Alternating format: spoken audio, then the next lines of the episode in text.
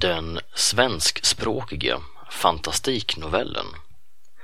Denna panel spelades in på Svekon 2014, Steampunkfestivalen i Gävle. Medverkar gör Johan Jönsson, Karin Tidbeck, Elin Holmrin och moderator är Nahal Ganbari. Svekon-poddar, en poddradio från svenska science fiction och fantasykongresser.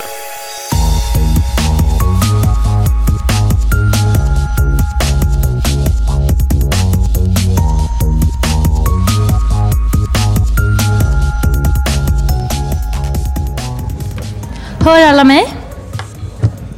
Ja. Hej, välkomna till kvällens panel om eh, utgivningen av svenska noveller inom fantasygenren. Vi kommer främst prata om fantasy, men vi kanske går in på annan fantastik också, som SF och skräck. Jag heter Nahal Ramberg och jag är, er, jag är panelens moderator. Och eh, jag tänkte att de andra paneldeltagarna kan presentera sig också. Vi kan börja härifrån. Ja, ja det var på. Ja, jag heter Elin Holmerin. Jag är eh, förläggare på Under en tid förlag. Det är typ jag som är den enda där. Eh, och även författare. Och lärare, kan jag säga. Hej, jag heter Johan Jönsson. Jag kan en massa saker om sånt här som noveller och tidskrifter och fantasy science fiction och sådant.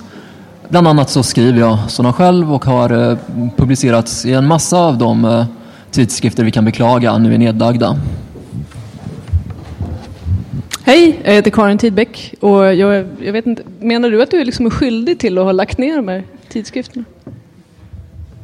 Han är tyst, vi tar det som ett medgivande. Hej, jag heter Karin Tidbeck. Eh, jag skriver noveller på svenska och engelska. Eh, mestadels fantastik eh, och jag undervisar även i att skriva fantasy och SF på ja, i kortform, långform på svenska och engelska. Ja.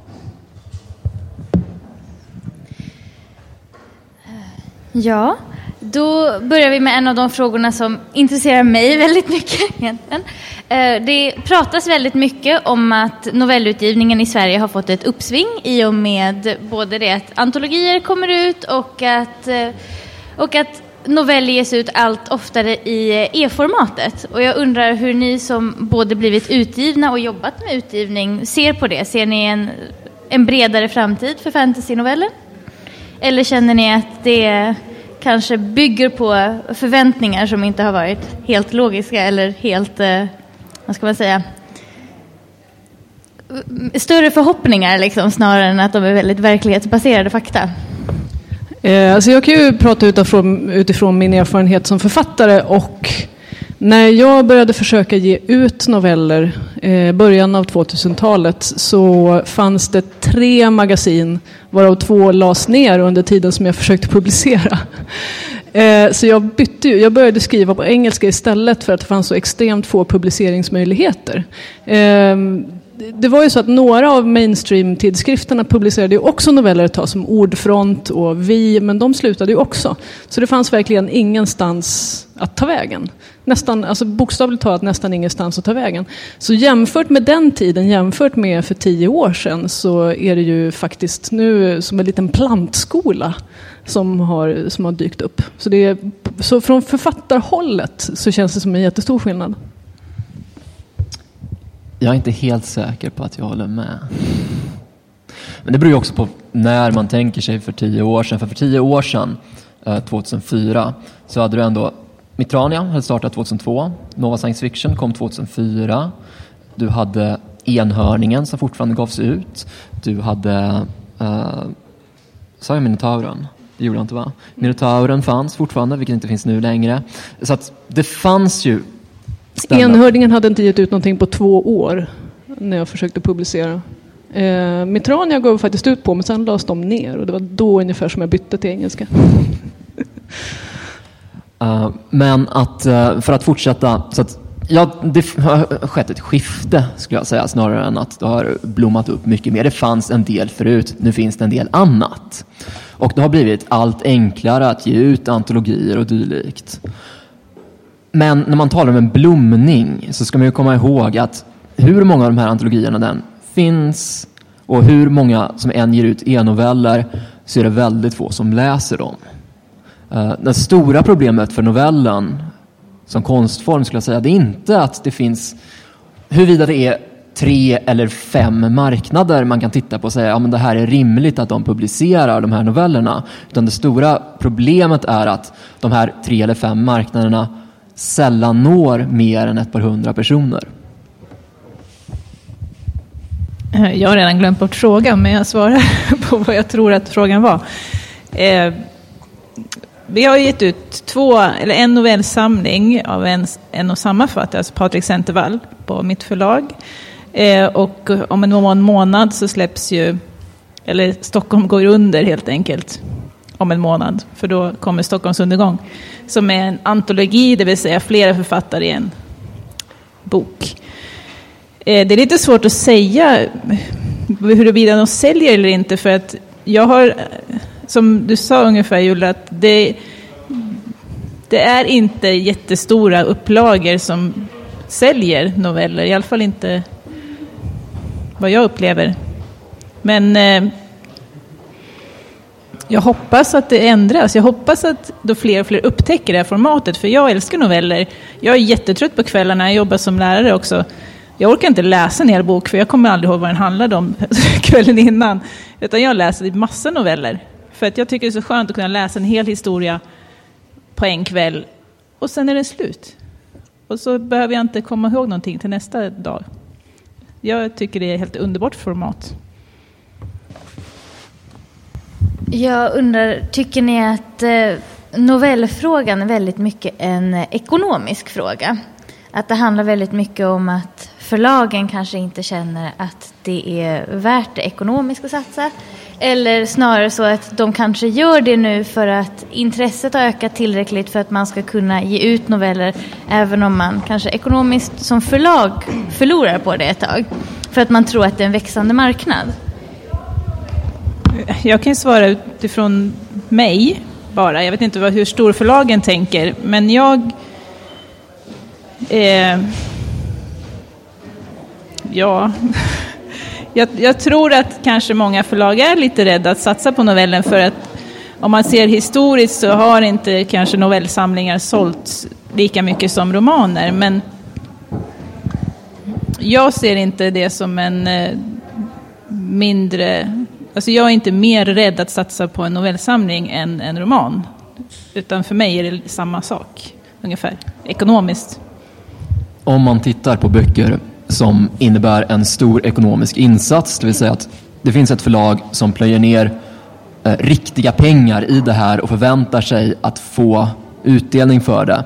Så har jag väldigt svårt att peka på eh, fantasy-antologier, fantasy-novellsamlingar eller science fiction för den delen som getts ut på svenska på sistone. Det finns inte många satsningar där som faktiskt är vågade, som kostar pengar, som skulle innebära att förlagen faktiskt har en risk? Jag, sitter, jag har försökt komma på några svenska fantasynovellsamlingar som har getts ut av några större förlag. Men jag kammar noll där, förutom alltså, Centervalls novellsamling som kom ut, men det är väldigt nyligen. Eh, ganska länge så var ju på något sätt den allmänna... Det, det, går lite upp och ner. Först, först är myten att Sverige är ett stort novelland och att noveller säljer bra. Sen så är det plötsligt att noveller inte säljer längre och då ska ingen skriva noveller. Och sen så har plötsligt novellen fått ett uppsving. Sen har den inte det, sen är den död, sen är den inte det. Så jag har egentligen... Det är svårt att få koll på vad som gäller nu men det känns som att det är väldigt mycket fråga om kanske en berättelse om hur novellen har det när i själva verket så kanske den ligger och puttrar liksom här som förut. Eh, så att, eh, ja, typ så.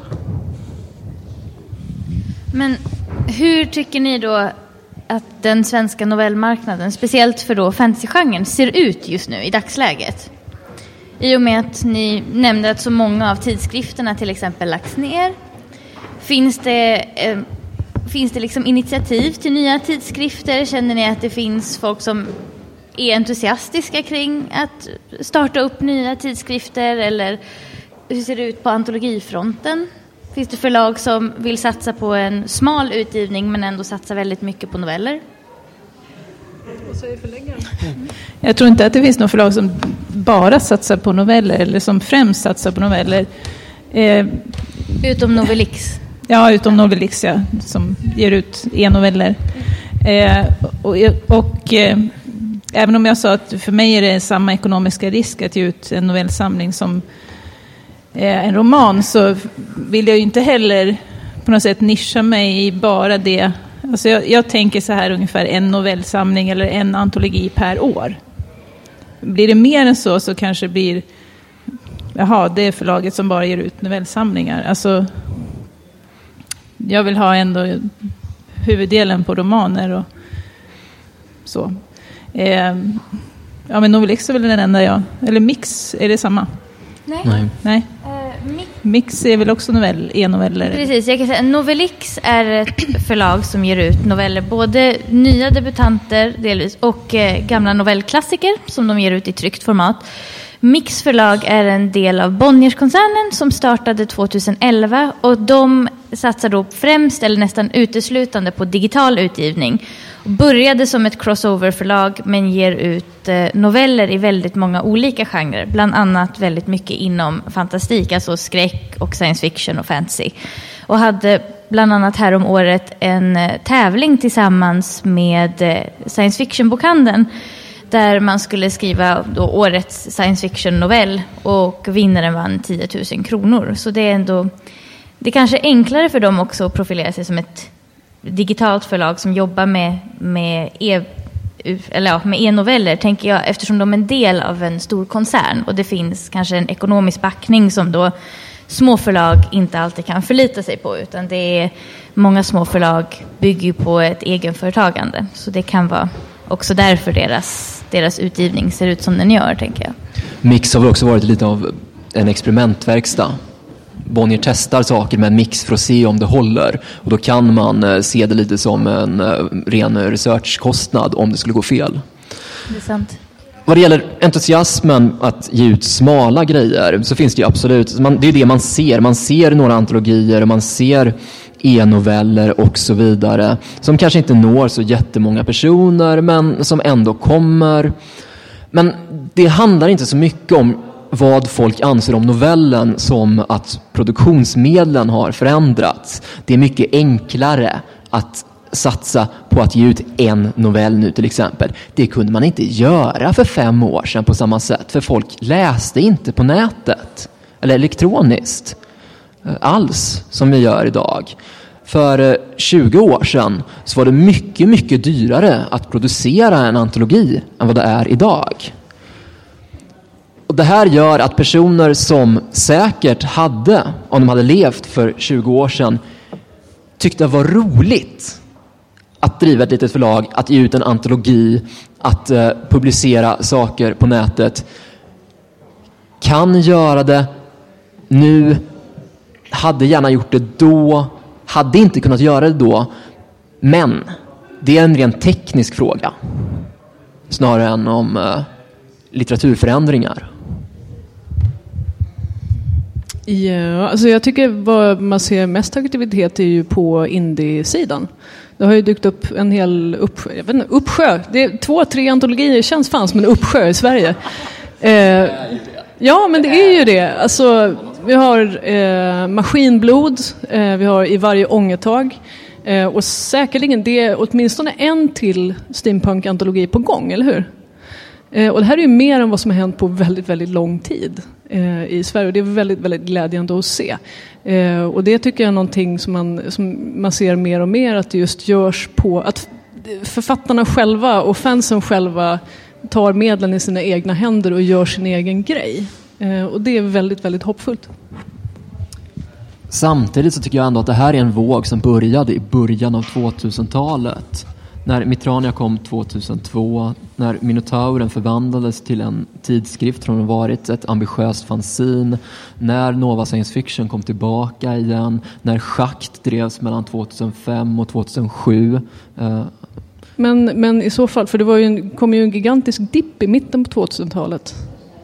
När de här, alltså Metronia dog. Fast det var 2010. Jules Verne-magasinet dog. Ja, fast det här är inte mitten av det. Det är typ 2009-2010 när den här dippen kom. Ja, men, men om vi ska låta bli hårklyverier om fem år hit eller dit. Enhörningen föll i koma. Mm. Alltså, så jag skulle väl snarare säga att det är fråga om, alltså, jag vet inte om det började då, vad hände under 90-talet i så fall? Så kan vi, kan vi verkligen säga att det började där eller kan vi säga att det är liksom den senaste puckeln? Ja, okej, vi kan säga att det är den senaste pucken. Men samtidigt, men det är faktiskt inte irrelevant att det här hände i slut för bara några år sedan. För att det gör att istället för att man kan tala om att vi har haft de här tio åren utan att någonting har hänt, så är det de här som kommer bara några år efter att det här hände. Och det gör att det blir mycket mer av en kontinuerlig grej. Jag kanske är senil, jag kan ha missat lite årtal där. Det är väldigt suddigt i mitten av 20-årsåldern, du vet hur det är. Jag kan hålla med om det. Det känns som att det har hänt väldigt mycket de senaste fyra, fem åren. Alltså just eh, i, med sociala medier och allt. Alltså man, man upptäcker maskinblod och eh, de här... Eh, alltså det, det surrar lite här och var. Att det nu kommer en ny antologi eller vi söker noveller till en ny antologi. Jag tycker att det märks mer nu ändå. Jag tänkte, Elin, du som förläggare, ser du, att det har, ser du en ökning i folk som skickar in noveller till er och vill bli utgivna med sina noveller? Liksom, är det en ökning på den fronten? Att det känns som att folk också vågar satsa mer på att själva försöka få ut sina noveller? Att de tror på att det finns en marknad liksom, som, som är öppen för det? Mycket mer nu än det har funnits tidigare. Jag vet inte, jag har inte så många år att jämföra med. Jag har ju bara drivit förlaget i ett par år. Så, men nej, alltså det som kommer in mest är ju romanmanus. Så är det. Jag kanske får två eller tre novellsamlingar. Men det är ju ofta från en författare eller kanske några författare som har gått ihop. Det är inte en antologi på det sättet. Den första antologin så, det blir ju den här Stockholms undergång. Där det är tio författare plus Anders Fager. eh, annars så är det, ja som sagt, mest romaner som kommer in. Det är inte ens, tror jag, en procent novellsamlingar. Då tänkte jag fråga eh, Karin, du är ju utgiven som novellförfattare bland annat. Du har ju skrivit en roman också, men du skriver ju noveller både på svenska och på engelska.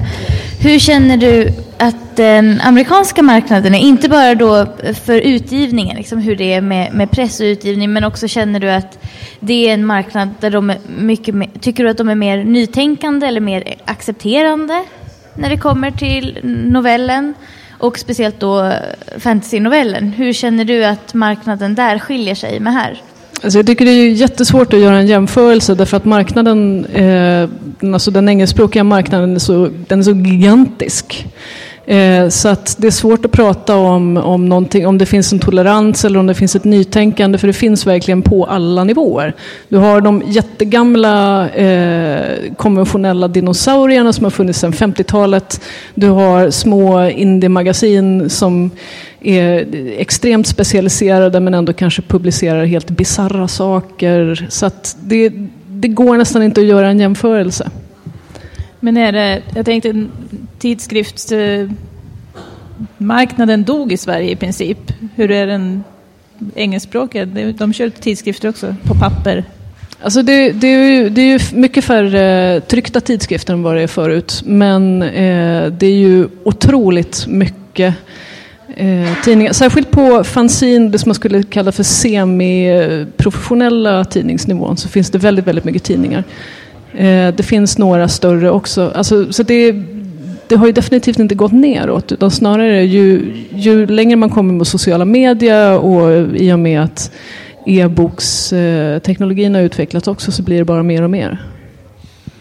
En intressant skillnad där är ju att det finns i princip inga svenska nättidskrifter typ Strange Horizons och sådär. Enhörningen har ju sin nätupplaga där de faktiskt fortfarande publicerar noveller och dylikt. Peter Fisk startade Annanstans som gav ut ett nummer 2006 tror jag och sen dog. Uh, I övrigt så är det, det finns e-publicering men det finns inte de här eh, webbpublicerade nättidskrifterna. Nej, alltså Swedish Zombie publicerar ju noveller från och till. Uh.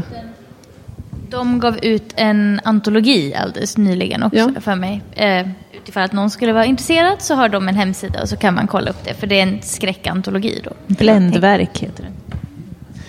Men, men det är inte en, en nättidskrift på samma sätt. nej, de är inte en sån med, med redaktion Nej. utformad så. Nej. Det tycker jag att någon borde starta. För det finns, det finns definitivt en nisch att fylla där. Folk har ju försökt och sen inte orkat. Som det lätt blir. Ja, det är ju så. Jag tänkte när vi ändå pratar om eh, en jämförelse med utgivning i andra länder så är ju eh, Johan, du är väldigt intresserad av utgivningen i eh, vårt grannland Finland. Då. Känner du att, känner du att, det är en skill- alltså, att det finns stora skillnader mellan, mellan den svenska och den finska utgivningen när det kommer till eh, fanziner eller när det kommer till nättidskrifter och sådär? Ligger de före oss på det planet? Väldigt intresserad, väldigt intresserad. Jag var- tvungen att plocka upp eftersom jag umgås med så många finländska personer som sysslar med science fiction och fantasy. Ehm, I någon utsträckning så skulle jag säga att de ligger Kanske inte före så mycket som att de inte har eh, utsatts för det här som hände oss mellan 2007 och 2010 när alla våra tidskrifter dog. De har inte vett att veta bättre? De har inte vett att veta bättre. De utan vågar ändå? De, men de lever vidare. Och det gör ju att de har eh, lite mer av en, en sammanhållen marknad också skulle jag säga. Det finns lite bättre koll på vad folk gör i Finland. Det är inte bara det här man hör om en antologi som poppat upp någonstans från någon man aldrig hört talas om förut. Utan det finns en kontinuitet i den finländska utgivningen som jag tycker vi saknar här. Där eh, det, nästan allt vi talar om nu är ju sånt som har dykt upp efter 2011. Och det, det är inget fel på nya grejer, det är jättebra att det kommer nya grejer. Men det är ju problematiskt om allting bara föds och dör och föds och dör hela tiden. Jag tänkte att vi också kan, när vi ändå pratar om att mycket av det som kommer ut nu på marknaden är nytt. Vad är det ni saknar sen tidigare och vad är det ni tycker kan göras bättre? Nu när saker ändå föds och dör, vad är det ni skulle vilja föds liksom, igen? Eller för första gången kanske? Alltså jag skulle vilja se den där nättidskriften. Det vore fantastiskt. En eh, faktisk eh, litterär fantastiktidskrift eh, som kan för sig komma på nätet. Eh, så, där nya författare, alltså och etablerade författare kan få publicera eh, sitt arbete och eh, få göra det i ett, i ett snyggt format eh, där de kan få läsare, där de kan få respons eh, och få göra det på ett sätt som, som blir bra helt enkelt. Ja, om jag ska vara helt ärlig så måste jag ju säga att vad jag mest skulle vilja se, det är ju inte någonting nytt, utan jag skulle vilja se någonting som leder vidare i ungefär det format som Nova Science Fiction hade. Även om man mest är intresserad av, sig fantasy, så vore det trevligt att ha den här fantastiskt ambitiösa tidskriften som vi nu saknar. Sen är det ju lite knepigt exempel att ta upp i just den svenska novellen snarare än sånt som råk, här råkar publiceras på svenska. Med tanke på att eh, den ytterst sällan publicerade svenska författare. Jag tror att folk som är födda senare än 60-talet, så under de år som Nova Science Fiction fann på 2000-talet så publicerades en två stycken sådana svenska författare, Andreas Roman och jag. Och där av en av orsakerna till att den svenska marknaden var så jävla mager. Jag tänkte ju inte ens på Nova därför att de publicerade ju som du säger nästan aldrig några svenska författare. Ja, Men om du hade skick- skickat in en bra novell så... Det är lite slag under bältet tycker jag. Alltså, om man ska vara helt ärlig så var Nova Science Fiction bestod nästan bara av fiktion av döda vita män. Det var inte så jävla frestande att skicka in någonting kan jag säga. Vill du svara på det Johan? Ja, därför att det är faktiskt fel. Det är rent fel. Um, och det här, jag tycker, vi ska inte fastna i det här ämnet för att det här att vi eh, sitter och har olika uppfattning om vad som publicerades i Nova Science Fiction är fruktansvärt tråkigt att lyssna på. Um, men Nova Science Fiction är ju, det är ju tidskriften som inte bara hade sådana här saker som att gav ut dubbelspecialnummer med Tiptree och dylikt. Utan det fanns också Nova Science Fiction är, var ett väldigt bra sätt, åtminstone för mig, att upptäcka nya unga kvinnliga amerikanska författare. Alltså, det, det enda jag kan säga i så fall är att det kan ha varit urvalet av nummer som jag tittade på. Men allt jag kan säga är att jag var otroligt ofrestad att skicka in någonting. Just på grund av det urval som jag hittade. Och som fanns på deras sida också. Jag vill ju tillägga att det är kanske inte alla som visste att Tiptree ens var en kvinna. Utan... Ja, okej. Okay. Jag tänkte eftersom det det kanske inte har varit allmänt känt. Liksom. Det... Ja. Eh, jag har en, tycker att det är ett bra förslag med ny svensk fantastiktidskrift. Jag hoppas att någon har orken att starta en sån. Eh, sen eh, är väl jag alltid på jakt efter såna här lite udda, konstiga saker som jag tycker är intressant att läsa.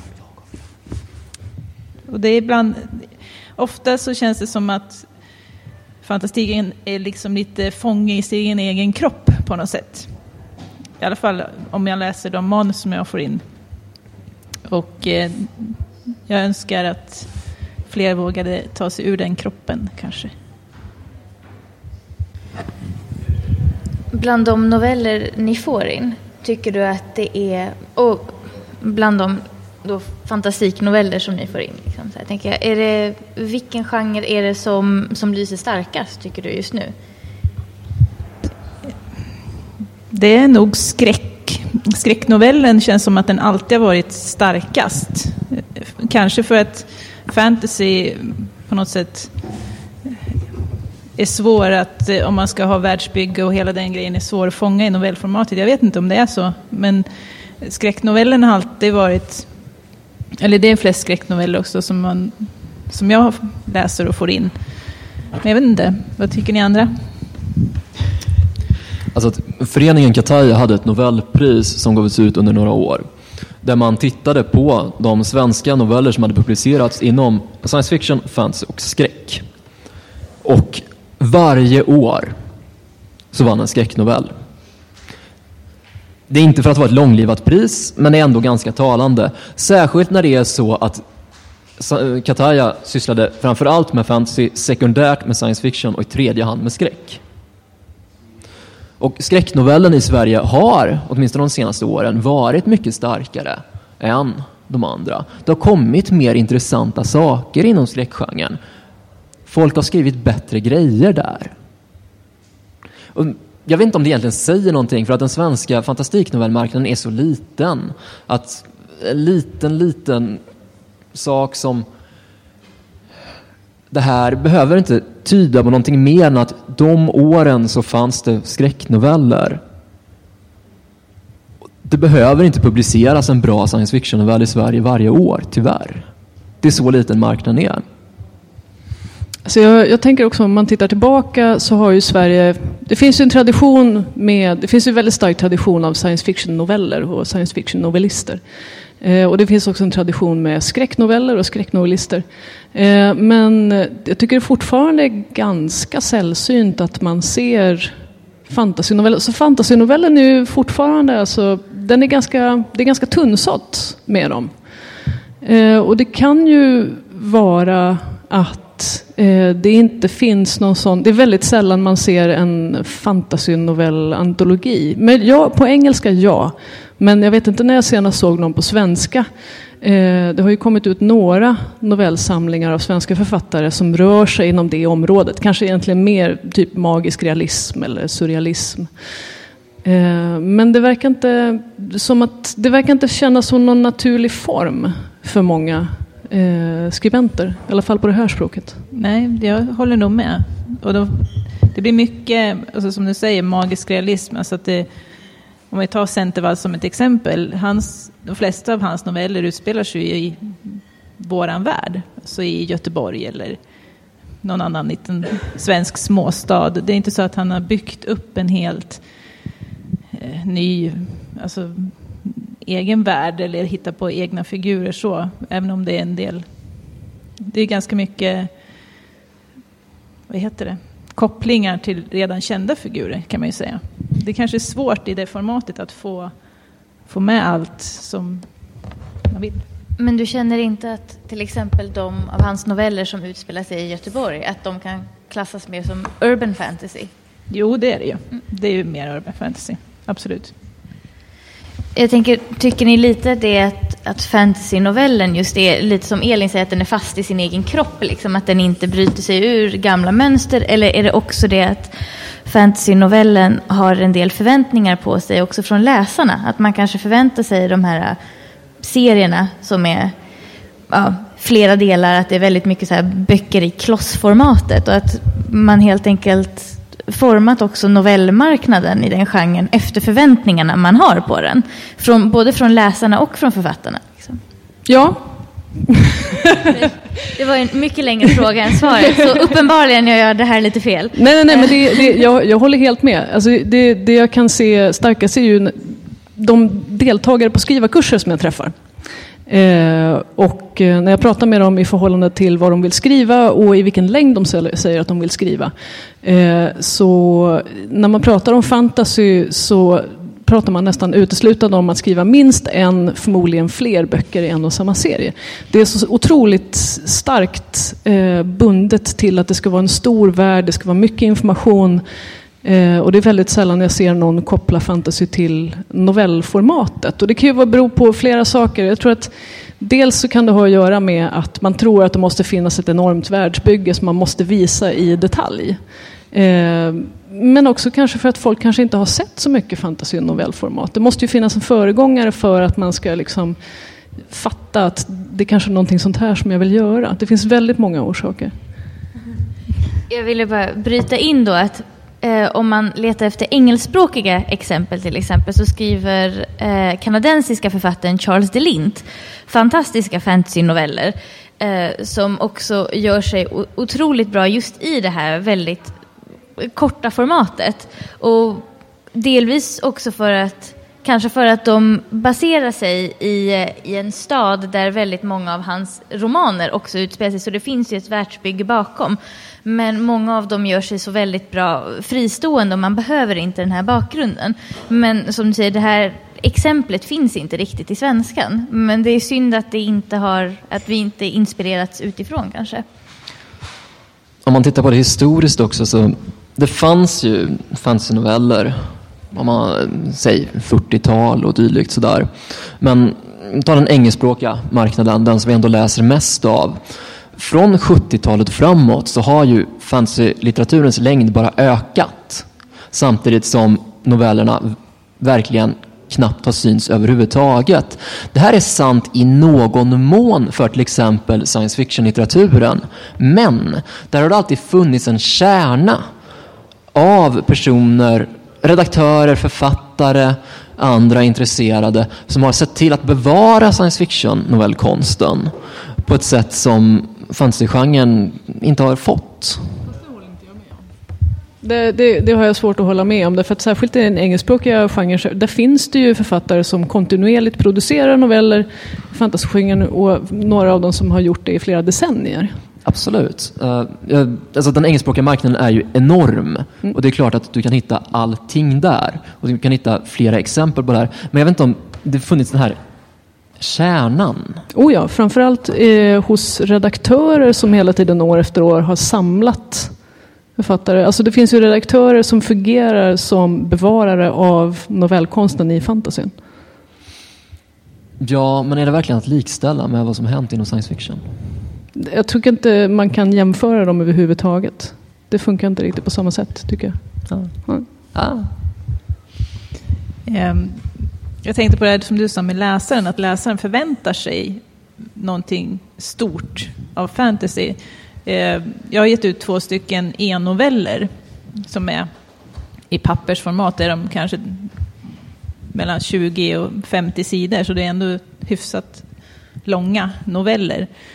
Men de kommentarer som jag har fått just från läsare, det är att de tycker att de är alldeles för korta. Alltid. Jag ska skriva längre. Och poängen med dem är ju att de ska vara korta, tänker jag. Det är liksom slut där. Det kommer ingen del två. Så. Hur känner du just att, eh, att, eller hur hoppas du kanske snarare, att eh, e-formatet kommer förändra novellutgivningen i Sverige? För det är ett exempel att eller det, det, finns ju väldigt mycket förhoppningar just på e-formatet i och med att det också är mycket billigare att ge ut från förlagens sida. I USA är ju e-noveller mycket större. I Japan är e-novellen väldigt, väldigt stor. Utan inte bara eh, på pads och liknande utan det är otroligt, otroligt vanligt att man läser via telefonen. Deras marknad har boomat och 25 procent av liksom, eh, bokförsäljningen var ett tag bara i e-format i Japan för bara tre, fyra år sedan. Är det en riktning som ni tror att den svenska marknaden kommer röra sig mot eller är det kanske mer unikt för dem, tror ni? Eh, jag tror att det kommer mer och mer. Jag, eh, speciellt kanske e-noveller som är det är kanske är långt att sitta och läsa en 700 sidors bok på telefonen, men en e-novell kan man läsa på bussen hem eller på pendeltåget i, i mobilen utan att det blir jobbigt. Så man måste inte ha en e-boksläsare för att läsa en e-novell. Eh, så jag hoppas att det kommer mer och mer. Jag tycker det själv är väldigt smidigt att läsa e-noveller. Både på paddan eller på telefonen. Men jag orkar inte heller riktigt läsa en hel bok faktiskt. då måste man nog ha en riktig e-boksläsare där det inte blir samma ljus från skärmen. Så. Det här vore ju rimligt på alla sätt och man kan ju tycka att det borde hända. Men å andra sidan så har ju folk sagt ganska länge nu att nu kommer det svenska e-boksläsandet, nu kommer det svenska e-läsandet och nu kommer det snart att slå igenom. Och så tittar man på typ säg Japan eller USA och så säger man att om ett par år så kommer det vara så här i Sverige också. Och det har aldrig riktigt hänt hittills. Så att antingen så har vi skjutit upp revolutionen eller så kommer det att långsamt, långsamt, långsamt sippra åt det hållet. Men det behöver inte betyda att det har skett om fem år. Alltså jag har ingen aning. Det, är ju, eh, det kan ju gå precis hur som helst. Allting kanske dör imorgon och sen så återuppstår genren om 15 år. Eller så går det bara uppåt och uppåt och uppåt. Det känns lite som att Känns som, ja, att försöka gissa känns lite som att anlita en bläckfisk för att dra fotbollsresultaten. Liksom. Men det har ju funkat jättebra. Ja, jag tänker därför att vi kanske borde anlita en bläckfisk. Det känns som det enda vettiga i den här situationen. Alltså man jämför bara, i och med att både mina romaner och mina noveller finns som e-boksformat, så är det novellerna som säljer betydligt mer än, än romanerna. Eh, och även eh, Centervalls novellsamling som e-bok säljer också riktigt bra. Eller säljer, eller lånas på biblioteket. Så, så jag, tycker, jag, jag tycker att det har blivit mer e-boksförsäljning, men jag är ju en liten fjärt i rymden om man tittar på bokmarknaden. Nej, men du som förläggare har ju örat mot marken. Så att, eh, du, du som förläggare har ju örat mot marken också. Så att... Ja, fast jag har inte så mycket insyn i hur det går för storförlagen. De är väl lite skraja för hela e-boksgrejen. Eh, alltså för mig är det inte så Förra sommaren till exempel hade jag en drive där jag gav ut alla våra e-böcker gratis. Alltså man skickar ett mail och sen så skickar jag boken tillbaka utan några vattenmärken eller kopieringsskydd eller sånt där. För jag tänker att om de gillar det och de sprider det vidare till någon, jättebra. Men alla tänker ju inte riktigt så, utan de är livrädda för att oj, nu finns det en piratkopia på boken här och ingen kommer någonsin, aldrig någonsin köpa en pappersbok för att den finns som en e- e-fil. Och den rädslan kanske håller i sig längre i Sverige, jag vet inte. Det är det, kanske därför. Det tror jag absolut att den gör. Den svenska e-läsmarknaden har lite skjutit sig själv i foten. För att när Mix kom med sina grejer 2011 så kändes det här nytt och fräscht och vad kul att någon gör det här. Och det är rent bisarrt att det 2011 ska kännas nytt att någon ger ut e-noveller. För att det, det är klart att det hade funnits e-noveller, men inte på ett Bonnierförlag på det sättet som verkligen hade sagt att nu satsar vi på det här. För att man var väldigt rädd för e-marknaden. Och det tror jag har hållit i sig just att förlags... Vad jag får känsla av förlag... Förlags... Vad heter det? Ah, ja. Eh, att den är väldigt dominerad av de här storförlagen och det är de som sätter lite stämpeln. När de gör någonting nytt då, som Mix till exempel, då blir det en jättegrej. Medan e-boks, alltså e-boksutgivningen har ju hållit på bland småförlag jättelänge. Men det har liksom inte varit någon grej för att storförlagen inte riktigt ville ta i den bollen. Så. Och jag tycker det är ett utmärkt sätt att få ut. Jag menar om folk vill läsa, och det är också många, det jag märkte också när jag hade den här kampanjen när jag skickade ut gratis e-böcker, det var ju att pappersböckerna började, började sälja mer. För då var det många som sa, men jag, jag läste lite av den, den här filen du skickade och sen så ville jag köpa boken. Så att, ja. Mer e-böcker tycker jag. Vi har inte jättemycket tid kvar nu så jag tänkte att vi eh, kanske ska gå över till publiken och fråga ifall publiken har några frågor. Det är ingen som undrar någonting? Jag har en fråga som egentligen är mer till Elin än till er. Du sa att dina e-noveller säljer bättre än de andra. Var det även relativt sett? Alltså, du har en större procentuell försäljning av de, av antologierna och novellerna som e-böcker än pappersböcker? Eh, de är... Nej, de, de e-novellerna finns ju bara som är... Ja, nej, där är väl ungefär lika. Men eh, de e-noveller som jag har, de finns ju bara i digitalt format. Så där kan jag inte jämföra riktigt mellan pappersböckerna och så. Men, men jag tycker ändå att e-novell som koncept är en väldigt god idé. Och sen kanske en del, jag tror inte att de ska vara för korta. Alltså om man ska ha skrivit en novell på en sida eller två, då känns det lite sådär att ge ut den som en bok. Alltså även om det är en e, alltså även om det är digital upplaga. Känns lite snålt. Alltså det finns ju ett prisproblem där också. Du kan inte ta för mycket betalt för det här. Samtidigt kan du inte ta för lite betalt heller för det kostar alltid några kronor att sälja någonting. Jag menar, om folk ska betala med kort till exempel eller dylikt. Så att det finns helt enkelt ingen bra nivå att lägga det här på. För det är helt meningslöst att försöka sälja någonting för två spänn, vilket vore det rimliga. Jo, det är sant. Och det är därför jag tänker, alltså, har man en novell som är runt 20 sidor så kan man ändå sätta ett visst pris på det. Men är det jättekorta noveller så kanske lika, lika, då kan man lika gärna släppa det gratis, höll jag på att säga. Nej, men, och det, det kanske man inte vill heller. Men gör en liten samling. Kan man göra. Ja. Ja, ni har talat en hel del både om, om svensk eh, och den amerikanska. Men hur är det med amerikansk eller engelskspråkigt översatt till svenska eller andra språk översatta till svenska? Har ni några kommentarer om den marknaden?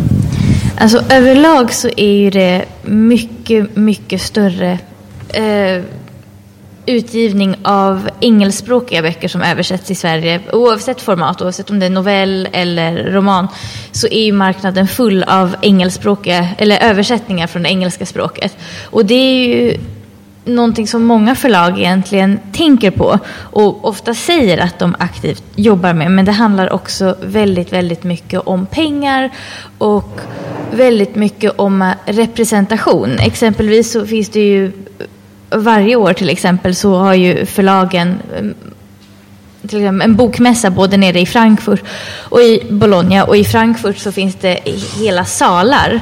Eh, det finns en sal för den amerikanska utgivningen och en sal för den brittiska utgivningen och i princip en sal för alla andra länder i hela världen att skicka sina. Så det, marknaden är otroligt, otroligt representativ av just det. Och det är väldigt synd för att speciellt inom fantastiken så kan man ju säga att det, det finns väldigt, väldigt mycket fantastik i andra delar av världen som nu börjat blomma upp lite, bland annat den kinesiska marknaden. Eh, den ryska marknaden har ju otroligt, otroligt starka rötter i just den här fabelkulturen och sagokulturen. Och det färgar ju fortfarande deras utgivning. Men egentligen är det, det är vanligare att se amerikanska vita författare skriva böcker inspirerade av andra kulturer än att man ger ut böcker från kanske de här länderna där författarna själva kan representera sitt språk eller sin kultur. Det kan jag säga finns både i novell och romanformatet av exempelvis fantasyböcker som är inspirerade av Mellanösterns gamla traditioner och kulturer. Det finns ett stort uppsving nu i fantasy. Böcker som är inspirerade av Tusen och en natt, av Koranen. Så här, de är nästan uteslutande skrivna av vita amerikaner. Och jag kan tycka att det är väldigt, väldigt sorgligt på många sätt. Jag säger inte att det inte är okej, för självklart så är det ju också att någonting som du har intresserat dig för och forskat om. Det har du rätten att skriva om. Eh, och jag tycker att det finns många böcker till exempel som har gjort det väldigt, väldigt bra. Men det är också en väldigt, väldigt enkelsidig eh, eller enspårig representation av det. Och det är, det är väldigt synd. Och det tycker jag det skulle göra otroligt mycket tror jag för marknaden om man vågade chansa lite. Men det handlar oftast om pengar och inte så mycket om, om liksom det handlar inte så mycket om någonting annat än pengar och politik lite grann också. Vilka man vill främja och vilka man vågar främja. Många av koncernerna i, i Europa, sådana här stor, storkoncernerna, eh, påverkar utgivningen extremt, extremt starkt. Och det handlar ju väldigt mycket om det politiska däremellan. Liksom. Ett litet tillägg till det här med ekonomi just är ju att det är fullt möjligt att ge ut en eh, svensk fantastiknovellsamling utan att bränna vansinnigt mycket pengar på det här. För du kan publicera en författare utan att lova författaren särskilt mycket pengar. Du kan däremot inte ta en professionell översättare, få personen att översätta novellsamlingen utan att ge professionellt betalt. Och det gör att det är en mycket större investering att ge ut en översatt novellsamling. Eh, då ska vi avsluta Tack så jättemycket för att ni kom, panelisterna och publiken.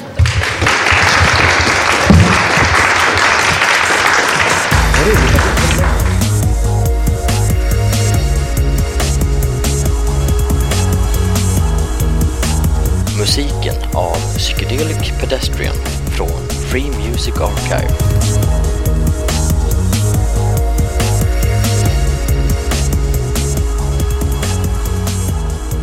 Besök gärna vår hemsida på svekonpoddar.se